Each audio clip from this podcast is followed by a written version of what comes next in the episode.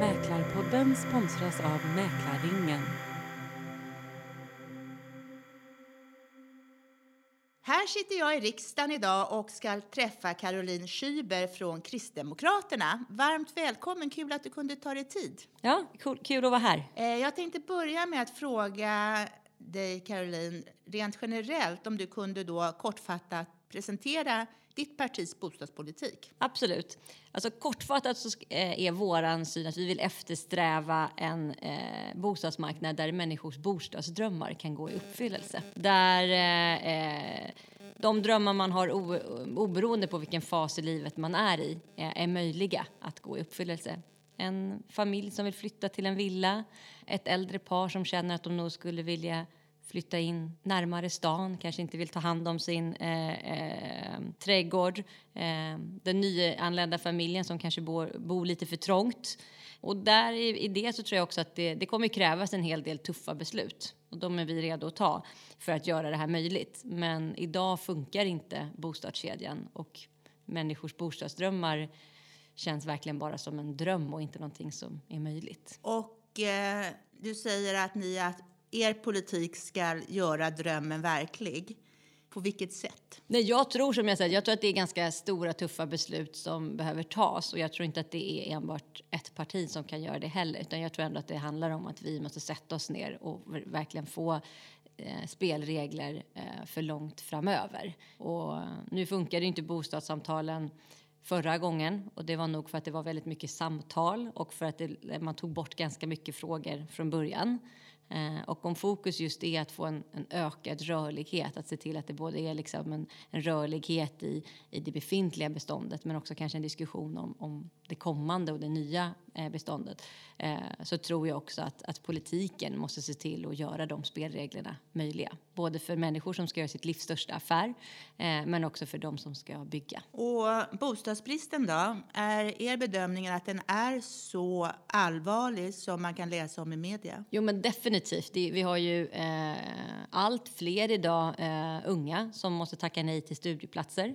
Människor som måste tacka nej till jobb och väldigt många stor, eh, företag i framförallt storstadsregionen säger ju att de i princip måste bygga upp en egen bostadsförmedling om det ska funka. Eh, eller att de känner att de har svårt att rekrytera rätt kompetens utifrån det. Så att absolut, jag tycker inte att media eh, överdriver den utan jag tror snarare att en del kanske inte heller förstår ehm, Allvaret? allvaret i det eh, och framförallt inte hur mycket det påverkar företagen. Tidigare när man frågade företagen för 20 år sedan vad är det liksom er största hinder för tillväxt? Då pratade de väldigt mycket om så skattefrågor och sådär. Nu är det bara rekrytering och då handlar det inte om att det är svårt att rekrytera rätt människor utan rätt människor som också i så fall kan bo.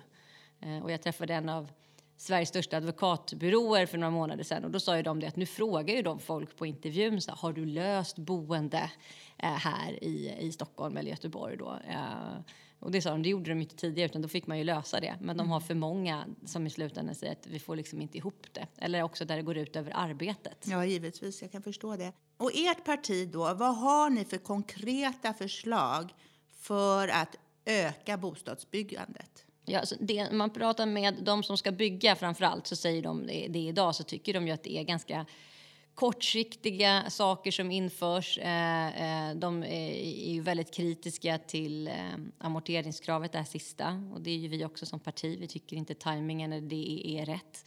Subventioner som man nu lägger ut fruktansvärt mycket pengar som byggbolagen själva inte vill ha Eh, är ju inte det som de behöver för att det ska eh, stimuleras.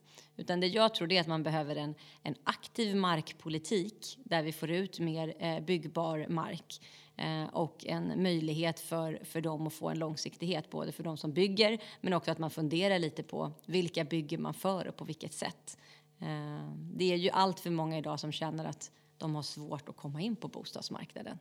Um, där, där tröskeln in idag är allt större. Du ska liksom inte bara um, få ett lånelöfte utan du måste också ha en egen insats. Alltså det är väldigt mycket idag vilket gör att det är, det är svårt att komma in på den ägda marknaden.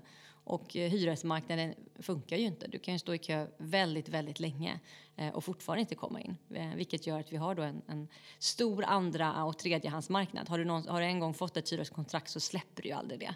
Ehm, och vi har hyror där som också skiljer sig väldigt mycket åt. Så när jag tittar på bostadsmarknaden så ser jag väldigt stora saker som behöver göras. Vi pratar väldigt mycket regelförenklingar i, i riksdagen och det är ju en del av det här. Men de stora frågorna, det är ju verkligen skattefrågor eh, och större reformfrågor som behöver ta till, eh, eh, jobbas med. Till exempel hyressättningssystemet. Ja, eh, min nästa fråga var just då kring de nya amorteringskravet, men det har du ju redan svarat på att ni är starkt kritiska till det. Ja, absolut. Jag tycker som sagt det både eh, eh, tidpunkten av det här, eh, när man ser att byggandet går ner och nu ser jag liksom de företag som inte redan hade slutat, de trycker, drar ju i princip i nödbromsen nu. Eh, eller så fortsätter de att bygga och säger att de har väldigt svårt att, att bli av med de här. Det slår väldigt hårt mot framförallt unga. Och det tycker jag att man ska tänka på också i, i det. Att det, det är redan svårt idag att komma in på bostadsmarknaden. Då behöver man inte försvåra ännu mer för en grupp som annars också är en som, eh, som behöver komma in om man ska vara ärlig. Om mm. de någonsin ska kunna liksom flytta påbörja. hemifrån ja. Mm. Ja men också på, kunna flytta till, till studieplatser, till jobb. Eh, men också eh, ju, läng, ju läng, om man nu också vill komma in till exempel på den ägda bostadsmarknaden. Ju längre man också försvårar det desto svårare är det för dem också i framtiden att kunna få, eh, få uppleva sina bostadsdrömmar. Mm. Det har ju varit på förslag, eller man har i alla fall pratat om det i Sverige, att införa någon typ av subventionerat bospar mm. till sin första bostad. Är det någonting som ni ser positivt på? eller? Vi i Kristdemokraterna har drivit det väldigt länge. Först tittade vi på hur det ser ut i Norge enligt den här norska modellen. Eh, men vi tittade också nu på eh, investeringssparkonton där nuvarande regering och Vänsterpartiet eh, helt vill eh, eh, straffbeskatta ut de här och där vi snarare ser att man skulle kunna utveckla investeringssparkontona. Det är ju positivt idag att människor vill spara, investera och har en plan för det. Och då så, så, eh, har vi tittat på en modell där man skulle kunna göra så att man under till exempel att man är eh, från att man är 18 upp till så att man är 32 så skulle man då kunna få sätta in pengar på de här eh, investeringssparkontona. Det kan vara lite pengar om man sommarjobbar och det kanske är lite mer om man jobbar under en period. Och sen eh, eh tar man ut de här efter ehm, ja, 32, 35 och använder det till, ett, ett, ehm, till en bostad. Då kan man Eh, får göra det till kanske ett skattereducerat eh, pris. Och är det inte så, då får man ju eh, skatta de här pengarna precis som man gör på annat sparande. Men på vilket sätt skulle det kontot skilja sig åt mot ett vanligt reguljärt sparkonto? Jag förstod inte riktigt. För du gör ju i, i, i de här, nu när räntan är så låg så, så skulle det ju också ge en, en, en större eh, avkastning. På Ni de här skulle gå in och subventionera räntan? Eller? Nej, utan det är ju att du i, i ett investeringssparkonto så är ju ofta räntan lite högre än att du bara lägger det på ett vanligt eh, eh, räntekonto. Mm. Och sen så skulle då det vara befriat från kapitalvinst den dagen du realiserar de tillgångarna? Ja, så har man ju tittat. Så ser det ut bland annat eh, har gjort under perioder i, i Norge och mm. det skulle man ju kunna titta på här också. Och annars att man då betalar som vanligt eh, skatt om man inte använder till, ett, till, en, till en bostad. Och annars så är ju det ett sätt att få, verkligen få komma in. Mm. Och det råder stor oenighet kring, med de andra partierna kring det förslaget? Eller? Alltså, flera är ju inne på att vi behöver någon form av bosparande. Sen hur det ska se ut, det råder lite delade meningar om. Och vi har som sagt både tittat på det norska och vi tittade lite på hur man skulle kunna som sagt utveckla kanske till ett eh, investeringssparkonton. Och jag tror att det är det vi behöver. Jag tror att vi behöver flera förslag som man kan diskutera. Sen får en utredning titta på hur får vi in det här i vårt svenska system. Men skillnaden mellan det som är kritiken mot bosparande, då säger man att ja, men det är redan föräldrar som redan sparar till sina eh, ungdomar som kommer fortsätta. Vi tittade här framförallt på den här eh, gruppen själva, att man från att man är kanske 18 år, du får lite pengar i student, du jobbar lite under eh, sommarjobbar lite, något år kanske jobbar lite mer, att du själv också där, vi får igång en sparkultur och att det också uttalat är så att det här ska gå till din första bostad. Och sen om man istället efter några år får en hyresrätt och är nöjd med den, eh, den eh, hyrda marknaden, ja, då, då är, är det fortfarande sparade pengar, precis som, som du hade kunnat göra till någonting annat. Så det, det, här är också, jag tror att vi behöver prata mer om det, både en spar och amorteringskultur. Mm. Men jag tror att det är väldigt stort fokus nu har varit på så föräldrar som sparar till sina barn. Jag tror rent generellt också att när man flyttar hemifrån allt senare så är det ju också ganska många idag unga vuxna som, eh, som jobbar och sparar ihop till det här. Mm. Det finns ju att det var några som jag träffade förra veckan, studenter på KTH, de säger det att ja, de, den här både i våras och eh, eller i höstas och nu i, i vår tar ju vi eh, studielån eh, och vi spar de här pengarna för att kunna ha en kontantinsats. Mm. För att vi får inga andra lån från banken och CSN-lånet är ändå så pass förmånligt. Så att det, det ska ju också sägas att eh, unga idag Eh, hittar ju nya vägar att försöka ta sig in på bostadsmarknaden men känner inte eh, från politiken att vi förstår eh, de utmaningar som de mycket står inför. Och de var ju väldigt kritiska eh, till det här nya ytterligare amorteringskravet. Ja, det drabbar ju främst de som redan är svaga ja, ekonomiskt. Och, och som de sa, det var en väldigt också, de kunde känna det själva som en, en, en av dem sa som går och tittar ganska mycket. Han sa ju till han kunde verkligen känna de här, som han sa, psykologiska effekterna som man pratar om. Att det var ett helt annat bemötande både från bank och från mäklare mm. än, vad det hade varit när han kollade för ett år sedan. Då var folk så här, vad vill du ha, vad letar du efter? Ja. Nu var det så här, klarar du? Alltså han, han sa det, det blir liksom ett otroligt sånt stort eh, ifrågasättande mm. och mycket svårare. Mm. Eh, och det är som han säger, till slut blir man så här, vad, hur ska jag ta mig in? Eh, så. Och där tror jag också det som de pratade mycket om och som jag tror, jag vet ju själv när jag eh, eh, var ungdom, då tittade jag jättemycket på eh, Friends, vänner. Där det var liksom två stycken vänner som bodde mitt emot, de delade på en lägenhet och man bodde mitt emot varandra i en korridor. Och det där tror jag är någonting som man verkligen skulle kunna utveckla. Och det pratade de nu också om att så här, ah, nej, men nu kommer vi få hyra en större lägenhet som vi då liksom bor i respektive eh, liksom i olika rum i så har vi ett gemensamt eh, eh, vardagsrum och kök. Och jag tror att man behöver titta även på sånt, alltså lite sådär liksom kompiskontrakt. Ja, ja kompiskontrakt mm. eh, och alternativa lösningar. Som när man också tittar ute i, i omvärlden så är det ganska vanligt. Mm. Vi har ganska många som bor själva i lägenheter i Sverige mm. eh, som kanske också skulle vilja ha lite mer kollektiva lösningar. Absolut. Lika så är det också eh, i och med att det kommer mycket ny, nya svenskar till landet mm. och många gånger utomlands så lever man ju då generationsboende i samma, mm. i samma bostad. Så att säga. Och det är fullt naturligt och man hjälper varandra. Mormor passar barnen mm. och sen när mormor blir gammal så hjälper barnbarnen mormor. Mm. mm. Men ett problem som jag har förstått är också, förutom då kanske att inte våra bostäder är anpassade för den typen av familjer, är också att våra banker är oerhört fyrkantiga till mm. att man då ska vara låntagare, att man har den konstellationen av låntagare. Mm. De, de går inte med på det, för då kan det ju vara så att mormor och morfar kan bidra med sin inkomst och mamman och pappan. Så det skulle då vara fyra låntagare som tillsammans skulle kunna bli beviljade det här mm. bolånet för den här bostaden som skulle vara lämplig. Och det finns inte i bankernas mall, så det, det går inte, säger de. Och likaså om det är två stycken kompisar mm. som ska köpa tillsammans, då måste man låtsas att man då om det är två tjejkompisar, då ska man, det är mycket bättre att säga att man är ett par. Mm. För att då, då, då åker man igenom systemet, men inte om man säger att vi är två kompisar som ska köpa den här bostaden tillsammans. Det finns inga mallar för det, så det är också någonting som jag kan tycka är lite märkligt. Jag håller verkligen med. Jag hörde just om ett, ett, sånt, ett sånt exempel, för då var det så här, att banken sa så här, vadå, ska ni då föräldrar ska gå i borgen för era vuxna barn? Alltså de kunde inte förstå att så här, man kanske som du säger, så här, man köper det här tillsammans ja. för hela eh, familjen.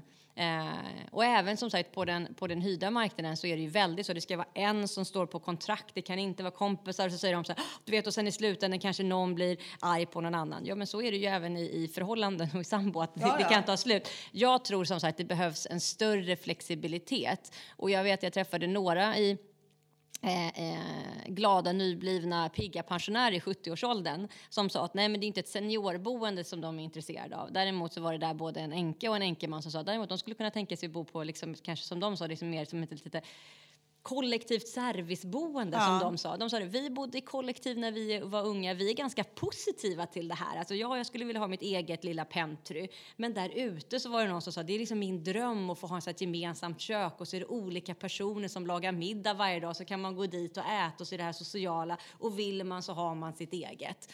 Eh, sa de att ska vi, liksom, ska vi lämna våra bostäder idag, då är det kanske det vi skulle vilja bo i. Och det byggs ju inte. Nej. Så jag tror också att det finns otroligt många nya eh, lösningar och, och alternativ som efterfrågas men som inte tas fram.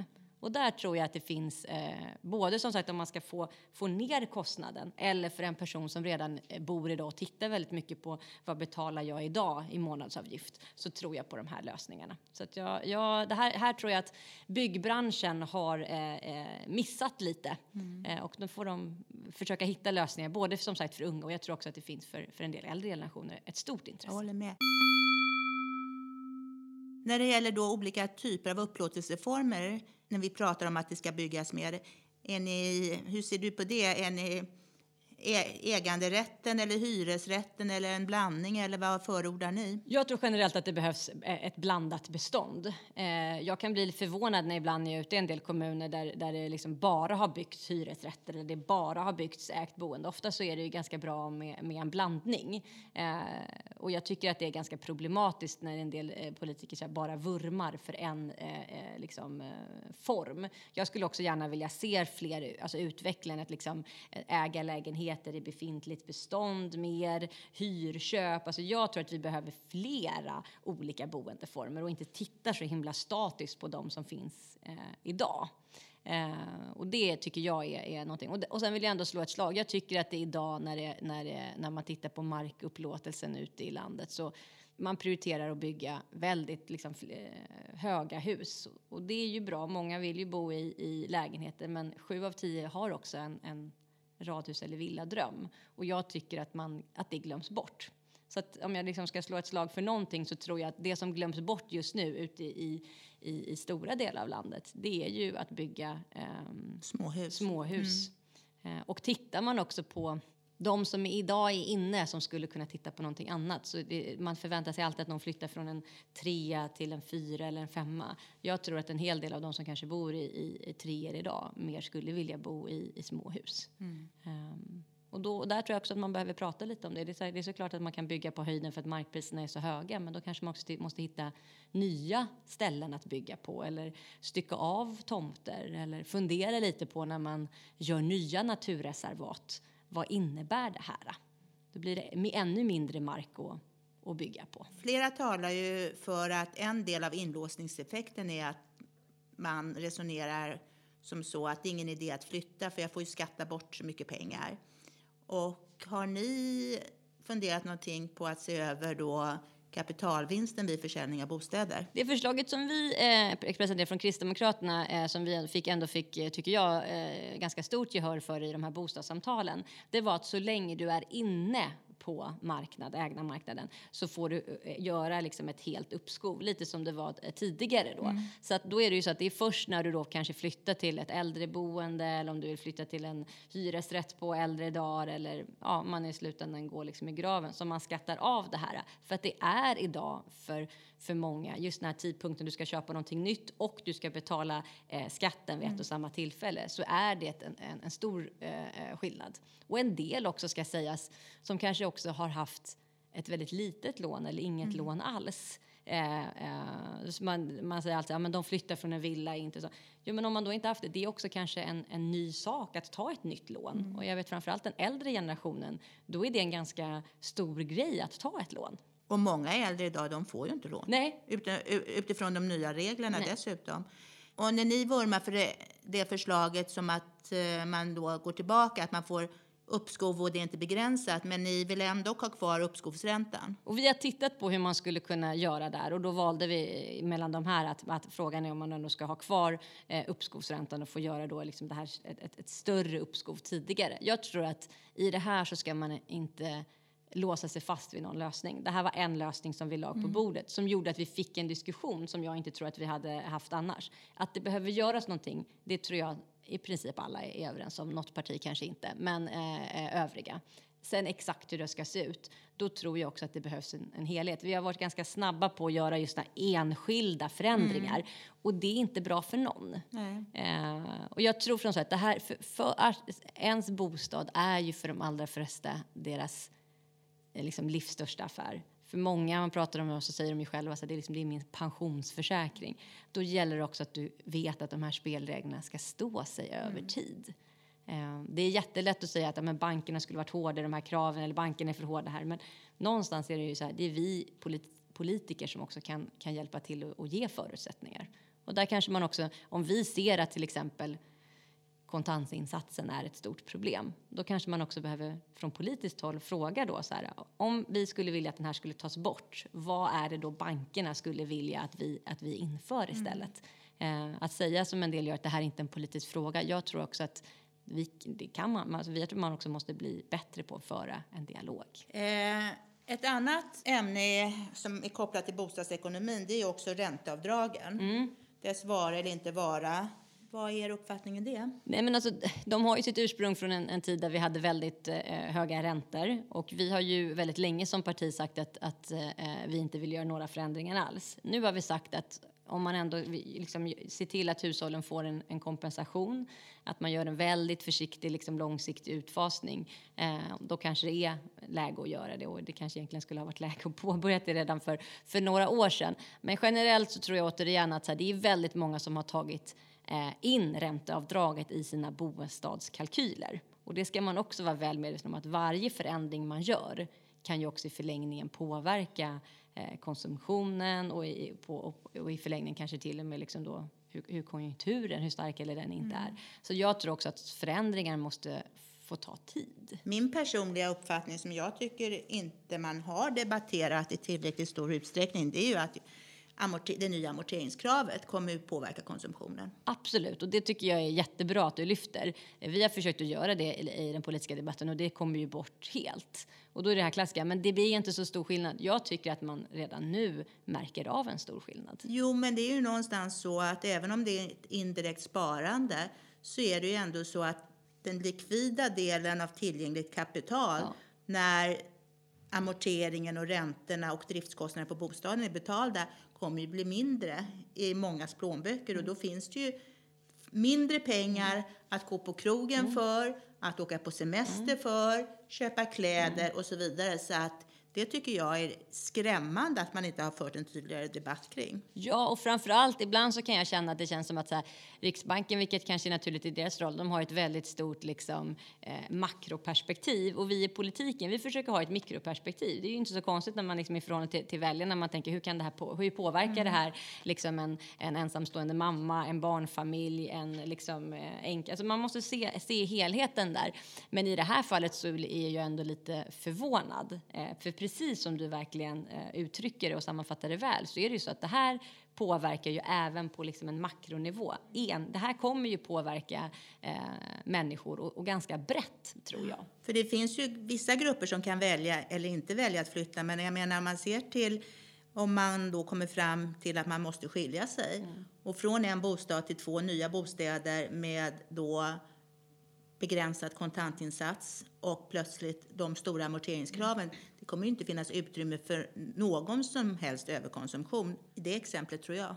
Det är eller knappt någon konsumtion alls. Nej, alltså, Nej men jag menar man måste ha mat för dagen. Ja. Men jag menar den kommer ju sjunka markant. Ja, och jag vet det var någon, eh, jag träffade någon mäklare här för, för ett halvår sedan som sa att de hade nu några som de nästan typ gör så här samboavtal. Alltså man vill skilja, alltså som de säger, hade det varit, hade man inte haft nya, nya krav, då hade de sålt lägenheten och köpt varsin ny. Det var nästan det som under ett tag liksom drev marknaden. Nu så är det mer så att, okej, okay, nej men du får bo kvar, vi gör som något sorts avtal och så säljer vi det här lite senare för att vi förlorar för mycket om vi säljer den här marknaden. Och sen hit, hyr jag ett andrahandsboende här och för det här, även om vi skiljer oss nu så är det här det stora som vi liksom någonstans ändå båda vill ska, ska gå upp i värde. Så det, det, visar ju någonstans att, att äh, ja, man har, man har, man, det är lite för kortsiktigt ja. och man har inte förstått hur mycket det här påverkar. Nej, jag vet, jag har också hört precis det du säger. Ett exempel där ett par som hade köpt en ny bostad i Stockholms innerstad för ett år sedan och eh, de har helt enkelt inte haft råd att ta den förlusten, förlusten nu med tanke på att priserna har gått ner så markant. Så hela deras kontantinsats hade försvunnit och dessutom så skulle de gå därifrån med en skuld. Så det gick ju inte Nej. att sälja lägenheten utan de löste det precis på det sättet mm. som du också berättar. Och det är väl kanske inte dit vi vill. Nej, och jag är, är, är, orolig också, om man nu ska se det här på ett eh, makroperspektiv, att det här också kanske eh, kan vara en början på, eller bana väg för en lågkonjunktur. Mm. Och det är sådana beslut ska, ska, eh, borde man fundera mer kring. Eh, och det är likadant ibland kan jag tycka i den här debatten om en överskuldsättning. Jag tror att vi behöver få rent generellt både en bättre spar och amorteringskultur i Sverige. Men att säga liksom att alla har så mycket lån. Jag tror väldigt många eh, idag, eh, framförallt eh, 40-talister, de har ju lite lån kanske kvar just för att du kan få göra ett avdrag och för att räntan är så låg. Jag tror att skulle vi liksom ha ett ränteläge på 7-10 procent, då skulle större delen av dem betala tillbaka det här Absolut. imorgon för att man vill också ha lite pengar, eh, som vi pratade om tidigare, till konsumtion. Så att jag tror också att det behövs ses lite bredare än vad det gör idag. Ja, jag är enig. Eh, fastighetsskatten då? De, under den senaste, de senaste månaderna har ju vissa partier börjat diskutera att det kanske inte vore så tokigt att återinföra det på gammalt sätt. Nej, och vi var, eh, som kristdemokrater vi var ju väldigt aktiva till att avskaffa fastighetsskatten och vi är, ju väldigt kritiska till att den ska eh, återinföras. Och framför allt så kan jag ifrågasätta lite så här att man vill återinföra den lite gammal modell. Jag säger alltid när folk säger att ja, men jag vill återinföra fastighetsskatten. Ja, men hur skulle systemet se ut? För ska vi ha ett system där det var så att grannen sålde och du fick en skattesmäll? Det finns ju ingen långsiktighet i det eller en rim och reson. Alltså så här, om man är för så måste man åtminstone ha ett bättre system än att liksom, eh, eh, återinföra någonting som ser exakt likadant ut som det tidigare. Som också var omdiskuterat. Folk glömmer väldigt snabbt mm. om de stora problem som, som eh, fanns med fastighetsskatten. Eh, och nu börjar en del partier prata om det. Jag tror att beroende på hur eh, regeringen ser, ser ut i, i höst så, så, tror jag att det finns en, en, en stor risk att det här blir en, en, en fråga. Och eh, jag skulle önska att folk eh, och partier kunde vara lite tydliga redan idag vad de tycker. För att det här är en väldigt stor ekonomisk fråga för mm. många. Eh, och den kommer också påverka bostadsmarknaden. Absolut. Har du några konkreta förslag från ert parti kring hur vi snabbt eller snabbare skulle kunna skapa en större rörlighet på marknaden. Nej, men jag har ju varit inne och berört liksom, eh, eh reavinstskatt och, och eh, ränteavdrag. Jag tror de är ändå eh, eh idag eh, har ju de, spelar de ganska stor roll i, i dagens situation och får ändå folk att tänka väldigt mycket eh, kring. Så att jag tror att gör man förändringar där som ändå liksom känns eh, vad ska man säga, trygga och gör att folk vet vad det är för spelregler som, som gäller så tror jag också att vi skulle kunna få en ökad rörlighet. Det är, alltså, jag tror att man måste ta den, den, den, känslan på allvar. En del säger så här, ja men de som då eh, bor i sina villor så har de gått upp så mycket. Eh, de har ju då redan gjort sin, sin vinst och kanske är naturligt att de eh, får skatta så kanske det är. Problemet är att då väljer de att bo kvar i, i, i stora eh, lägenheter, i villor och då får vi ingen rörlighet. Nej. Så att det är så, och tittar man historiskt varför man eventuellt ibland har har gynnat olika delar, både kanske haft lite gynnat lån historiskt eller ränteavdrag och sånt där, så är det ju för att, för att få till förändringar mm. där rörligheten idag är otroligt låg. Um, så att jag tror att det, det, är den. Och sen när det gäller det hyrda beståndet så har vi ju ett ett hyressättningssystem idag eh, som, eh, som hämmar rörligheten där. Det är ju det är ju en liksom, miljonvinst att få ett kontrakt och det är en otrolig svarthandel därav eh, med det. Det är ingen mm. som lämnar tillbaka sin, sin, eh, sin eh, hyresrätt. Medan jag vet när jag eh, bodde i Bryssel för massa år sedan så var folk så här, nej men du ska ha så kort tidskontrakt som möjligt. Det, det, är mycket bättre, annars måste du hitta någon annan som ska hyra efter. Det ska vara så kort som möjligt och där funkar det ju. Det fanns otroligt många olika, man kunde hyra både länge om man ville eller kortare. Eh, och här så är det ju eh, precis tvärtom. Precis tvärtom. Mm. Och där tror jag också, jag i början när jag jobbade med bostadspolitik så var jag ganska kritisk till så här kategoriboenden. Så här, varför ska man ha vissa som är för unga och vissa som är för äldre? Men jag tror att ska vi få in unga någonsin på bostadsmarknaden och framförallt kanske den hyra, då tror jag att man måste jobba mer med ungdoms och studentkontrakt. Mm. Eh, och en del fastighetsvärdar är ju väldigt bra på det. Eh, att man får bo kvar då i de här lägenheterna upp tills att man kanske är 32 och sådär. Och då är du i alla fall inne på bostadsmarknaden. Du kanske har haft en möjlighet att, att spara ihop lite. Eh, jag tror att vi behöver, så som det ser ut nu så behöver man i så fall också jobba mer eh, med, så, med sådana lösningar. Mm.